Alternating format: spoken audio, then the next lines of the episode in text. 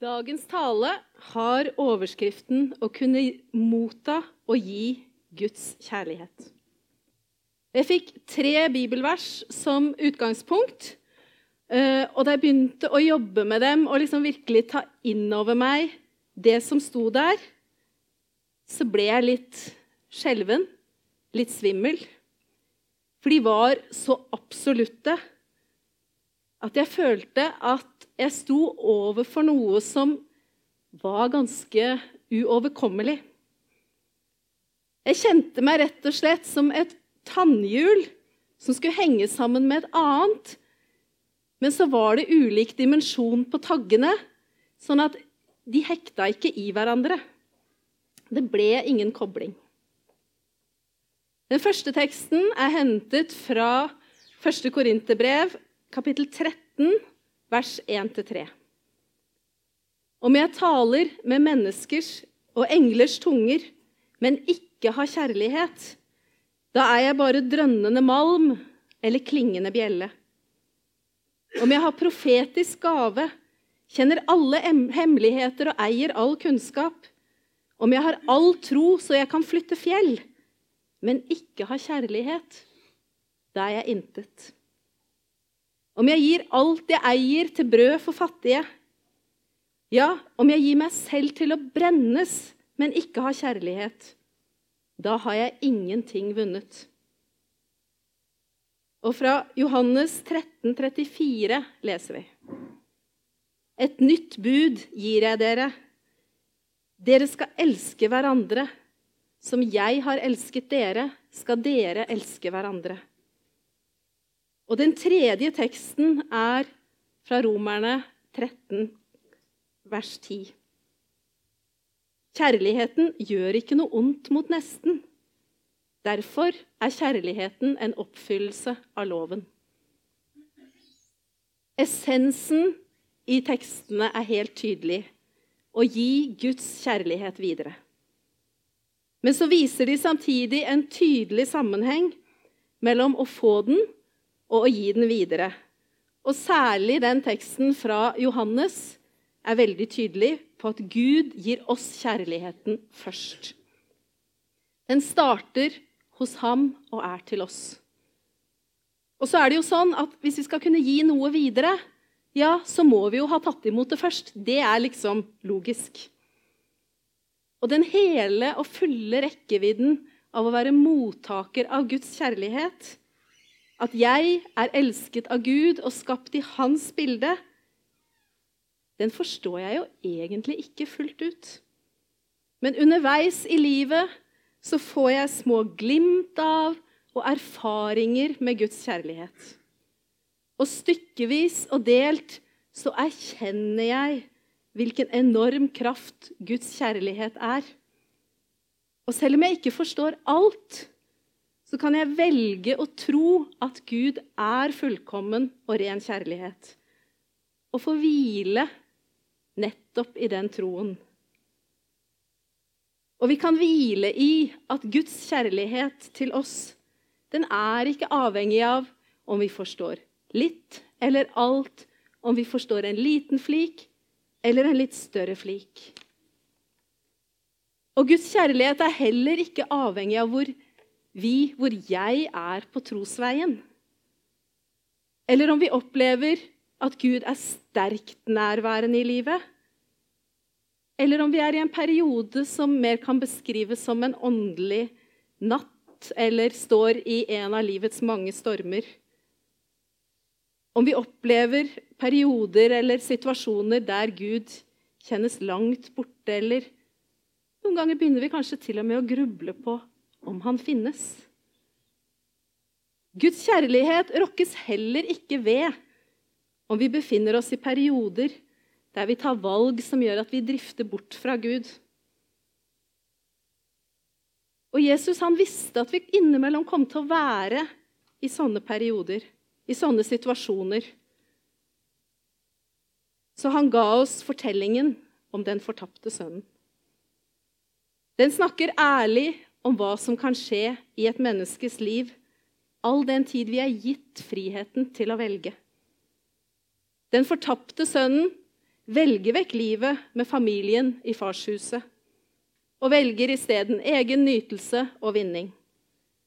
Og inntil han en dag befinner seg i en livskrise. Da tar han et nytt valg. Det er mulighet for omvalg. Han begir seg på hjemvei. Men han har erkjent samtidig at det var helt og fullt hans ansvar, den krisen han befant seg i. For den skyldtes et valg som han hadde tatt, ikke et valg som faren hadde tatt for ham. Så han vender hjem, og jeg ser liksom for meg at han ikke akkurat går med hevet hode og raske skritt. Jeg tror at det er litt sånn bøyd og litt subbende. Men han vender hjem til faren, men uten annen bønn enn å forbli en av tjenerstaben. Men sønnen blir ikke tjener når han kommer hjem til far. Derimot så møter han nåden fra en far som elsker sin sønn fordi far er kjærlighet tvers igjennom. Faren sluttet aldri å elske sønnen, selv om sønnen etter eget valg holdt seg borte fra ham. Og faren er den som gjenoppretter relasjonen til akkurat sånn den var før sønnen tok sine skjebnesvangre valg. Det eneste sønnen gjør, er å komme hjem. Å gjenopprette den relasjonen, det er farens initiativ. Og det er han som definerer hva som er hjemme. Og det er å være helt og fullt sønn, ikke å gå til å være tjenerstaben. Sønnen er ikke halvveis sønn, selv om han en periode valgte vekk familielivet hos faren. Han omsluttes helt og fullt av farens kjærlighet når han vender tilbake, og en kjærlighet som faren gir uten forbehold. Og for sønnen så er det tilstrekkelig i den relasjonen at han tar imot. Å være elsket av Gud og vite at alle mennesker til alle steder er like mye elsket av Gud. Ja, at vi er så høyt elsket at Gud ga sin egen sønn for å frelse oss. Det er så stort og så ufattelig at vi kan bli svimmel av mindre. Og I dette livet vil jeg som sagt aldri klare å forstå fullt ut hva det faktisk innebærer. Og selv ikke Paulus, som når vi leser brevene hans, ser at har skjønt ganske mye. Selv ikke han forstår det helt og fullt. I 1. Korinterbrev 13,10 sier han Nå ser vi i et speil, i en gåte. Da skal vi se ansikt til ansikt. Nå forstår jeg stykkevis. Da skal jeg erkjenne fullt ut, slik Gud kjenner meg fullt ut. Og til tross for det gåtefulle, til tross for mysteriet og det ubegripelige, i Guds absolutte og rene kjærlighet, så var det ikke det som ble det som jeg opplevde som vanskeligst å forholde meg til når jeg leste disse tekstene. For det kunne jeg på en måte hvile i. Det utfordrende var at jeg, helt alminnelige meg, med feil og mangler, hadde jeg vært på sånn EU-kontroll, så tror jeg jeg hadde fått en ganske sånn lang sånn eh, mangelliste. Men så absolutt og uten forbehold i disse tekstene blir bedt av Gud om å gi hans kjærlighet videre. Som jeg har elsket dere, skal dere elske hverandre. Her var det ikke noe sånn 'prøv så godt du kan'. Og ikke nok med det. Om ikke alt jeg gjør, blir gjort med kjærlighet, med Guds kjærlighet, så er jeg bare drønnende malm eller en klingende bjelle. Da framstår jeg som en som vil ha oppmerksomhet og egen vinning. Men i virkeligheten har jeg ingenting vunnet. Det kjentes uoverkommelig. Rett og slett fordi at jeg vet at jeg ikke er i nærheten av å klare å gi og leve ut samme gjennomgripende og altomfattende kjærlighet som Gud. Dimensjonen på mitt tannhjul er totalt forskjellig fra dimensjonen på Guds tannhjul. Jeg kjenner daglig på at det jeg sier eller tenker om andre, det vet jeg at er det stikk motsatte av å se mine mennesker med Jesu kjærlige, tilgivende og rause blikk. Eller jeg unnlater å gjøre det jeg vet at jeg burde gjøre. Eller kanskje jeg gjør ting som for så vidt er i tråd med Guds vilje. Men jeg gjør det først og fremst fordi det setter meg, eller jeg vil framstå i et fordelaktig lys. Og jeg kjenner en bismak av klingende bjelle, for å bruke Paulus sitt uttrykk. Og i det så setter Gud opp sin kjærlighetsstandard for meg og ber meg å leve etter den. Med min menneskelige logikk så går ikke det i hop. Men Guds logikk er heldigvis helt annerledes enn min. Og Da må jeg ta dere litt sånn en omvei via menighetsweekenden på Skjærgårdsheimen for noen uker siden. For der møtte vi eh, eritreiske Helen Berhane. Og hun fortalte sin historie om å bli fengslet og torturert pga. sin kristne tro og at hun delte den videre.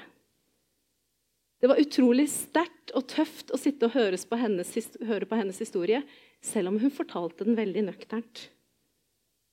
Men så var det noe mer enn bare en grusom historie, for den hadde noe slitesterkt i seg også. Og det slitesterke i den fortellingen, det var vitnesbyrdet hun ga om betydningen og konsekvensen av å leve med Jesus. Den styrken hun fikk, den kjærligheten hun kunne dele, og det vitnesbyrdet hun fikk være da hun var fengslet, og det hun fortsatt får være nå når hun bor i Danmark, og, og vi også fikk lov å treffe henne, det kommer ikke fra henne som menneske. Det kommer fra Gud. Mens hun ble forfulgt, og mens hun ble holdt fengslet i containere Og det var bare rå containere så levde hun med Jesus. Hun beskrev hvordan hun involverte ham helt og fullt i livet sitt, i absolutt alt hun ble utsatt for. Hun spurte ham til råds, og hun fulgte rådene, beskjedene og oppdragene som hun fikk fra Gud i den situasjonen som hun befant seg i. Og hun lot alt som skjedde henne, uansett hva det var, være en tilbedelse og et offer til Gud. Og når hun på den måten holdt blikket festet på Jesus hele tiden og innviet absolutt alt til han, ble det så tydelig at Guds kjærlighet virket gjennom henne. Og det var en kjærlighet som trumfet all den ondskapen som hun ble utsatt for. Hennes liv og hennes lidelse ble et tydelig vitnesbyrd om at Gud kan snu det som er totalt ondt, til et vitnesbyrd om sin uendelige kjærlighet. Og at det er kjærlighetens kraft som er det sterkeste når alt kommer til alt. Ved å velge Jesus som fundamentet for absolutt alle sider og øyeblikk av den livssituasjonen som hun befant seg i, så lot hun Gud leve ut det som står i Romerne 11,36 gjennom henne. For fra ham og ved ham og til ham er alle ting. Helen Berhane er med sin måte å leve på, å leve med Jesus, både et forbilde for hvordan vi kan leve, og valg vi kan ta for å gi Guds kjærlighet videre. Og hun er et vitnesbyrd om Guds kjærlighet. Hennes valg førte til en manifestasjon av det som står i 2. Korinterbrev kapittel 4, vers 6. Lys skal stråle fram fra mørket. Og Legg merke til at det står 'fram fra', ikke 'i', men 'fram fra'. Og Det skjer nettopp fordi at Gud er allmektig. Og Det som legger grunnlaget for hans allmakt, det er jo nettopp hans kjærlighet. Det er ikke bare sånn at han har kjærlighet. Nei, det er enda mye større enn det. For han er kjærlighet. Og det er klart, mitt liv og våre liv er uendelig langt fra den situasjonen og det livet som Helen Berhane har hatt da hun var i Eritrea. Men likevel, det sentrale her er jo felles. Det er felles med henne og med alle som bekjenner Jesus som sin herre. Nemlig at Guds kjærlighet som virker i oss, nemlig Guds kjærlighet som virker i oss og gjennom oss når vi lever med ham. Som Paulus skrev, for fra ham og ved ham og til ham er alle ting. Det betyr at når vi har tatt imot Guds kjærlighet og lever med ham, så får vi også del i kjærligheten, og Guds kjærlighet blir en del av oss. Men i motsetning til Gud, som er kjærlighet, er menneskets situasjon den at vi bare kan ha kjærlighet. Og Det er ikke en kjærlighet som springer ut fra oss selv, men det er kjærligheten med stor K som springer ut fra Gud. Den kjærligheten som jeg og alle vi som har tatt imot Jesus, utfordres på i de tekstene som eh, er utgangspunktet for denne talen, det er ikke noe vi skal prestere av oss selv. For da kommer vi til kort. Sånn sett er vi allerede til kort, om det går an å si det på den måten. Vi er ikke fullkomne. Det er det bare Gud som er. Men Gud vet at det er jo akkurat sånn det er. For å vise oss hva kjærlighet er, så ga han oss loven. Og Fire av de ti budene handler om relasjonen mellom oss og Gud. Og de seks andre handler om relasjonen mellom oss og vår neste. Og Når vi leser budene, så er vi jo ikke et øyeblikk i tvil om at hvis vi mennesker hadde klart å leve etter dem, ja, så hadde jo relasjonen både mellom oss og Gud og mellom oss og medmenneskene våre vært god. Og som Paulus skriver i Romerne 13,10.: Kjærligheten gjør ikke noe ondt mot nesten, og derfor er kjærligheten oppfyllelse av loven. Av oss selv, i vår ufullkommenhet, i vår tannhjulsdimensjon, så er ikke vi i stand til å oppfylle loven. Dvs. Si å leve i hel og full kjærlighet. Men fordi Jesus satte i verk sin frelsesplan og lot Jesu død og oppstandelse bli en oppfyllelse av loven, da kan likevel våre liv bli kanaler for nettopp Guds kjærlighet. Jesus blir det ekstra tannhjulet som festes til Guds tannhjul, og samtidig er en dimensjon som mitt, mitt tannhjul kan hektes på. Og Guds kraft og kjærlighet kan bli virksom gjennom meg. Gud kaller oss til å elske med hans kjærlighet. Når vi tar imot det kallet og innvier alt i livet vårt, alt vi gjør, alt vi er, alt vi har, til Gud, så gir vi Gud mulighet til å gi sin kjærlighet videre gjennom oss. Når vi lar alle ting være til ham, lar vi alt gjennom oss få være fra ham og ved ham. Og fordi Gud er kjærlighet, så handler livet vårt også først og fremst om kjærlighet. Det beste vi kan gjøre med livet, det er å elske. Det er det som er meningen med livet. Å lære å elske Gud og lære å elske hverandre. Det er å elske andre som betyr noe, ikke hva vi oppnår eller utretter. Og slik som Gud elsker alle mennesker, sånn oppfordres vi også til å elske alle mennesker. Og vi oppfordres til å begynne her og nå det fins faktisk ikke noe bedre tidspunkt enn her og nå. Ingen av oss vet hva som skjer seinere i dag eller i morgen. Men hva er det å elske, da? Det er noe annet enn forelskelse og hjertebank. De ti bud gir oss gode eksempler. Men dypest sett så er det å bygge gode og trygge relasjoner. Der hver og en av oss kan være det som Gud har skapt oss til å være for hverandre. Og Det krever at vi bruker tid sammen og blir kjent med hverandre. Det krever at vi gjør praktiske ting for hverandre. Vi er skapt til å hjelpe andre, og andre er skapt til å hjelpe oss. Jesus viste oss både gjennom handlinger og fortellinger at det ikke er forskjell på folk. Alle mennesker er like mye verdt, og vi oppfordres og utfordres til kjærlighetshandlinger overfor alle mennesker. Enten de regnes av majoriteten til å være innenfor eller utenfor i samfunnet. Jesus brukte tid. Han hadde måltidsfellesskap med tollere og syndere. Han tok den samaritanske kvinnen ved Sykars brønn på alvor og ga henne sin kjærlighet. Og han ga oss fortellingen om den barmhjertige samaritan.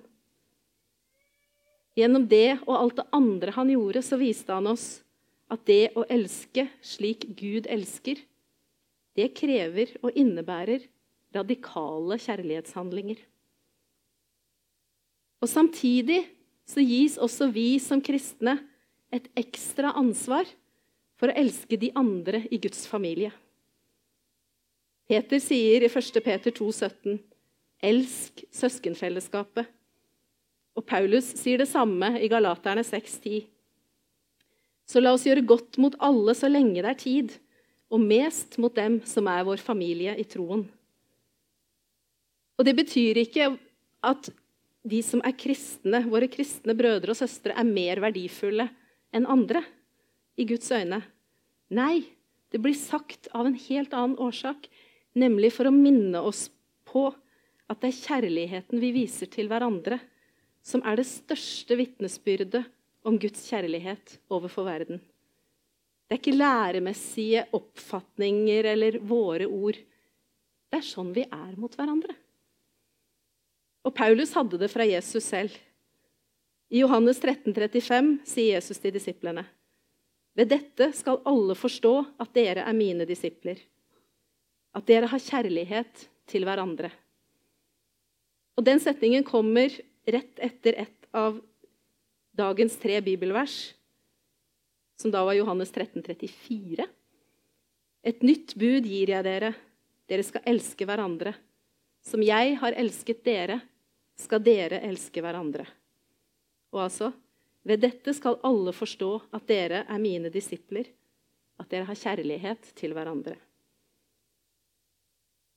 Som kristne omfattes vi altså av kallet til å gi Guds kjærlighet videre gjennom relasjoner til menneskene rundt oss.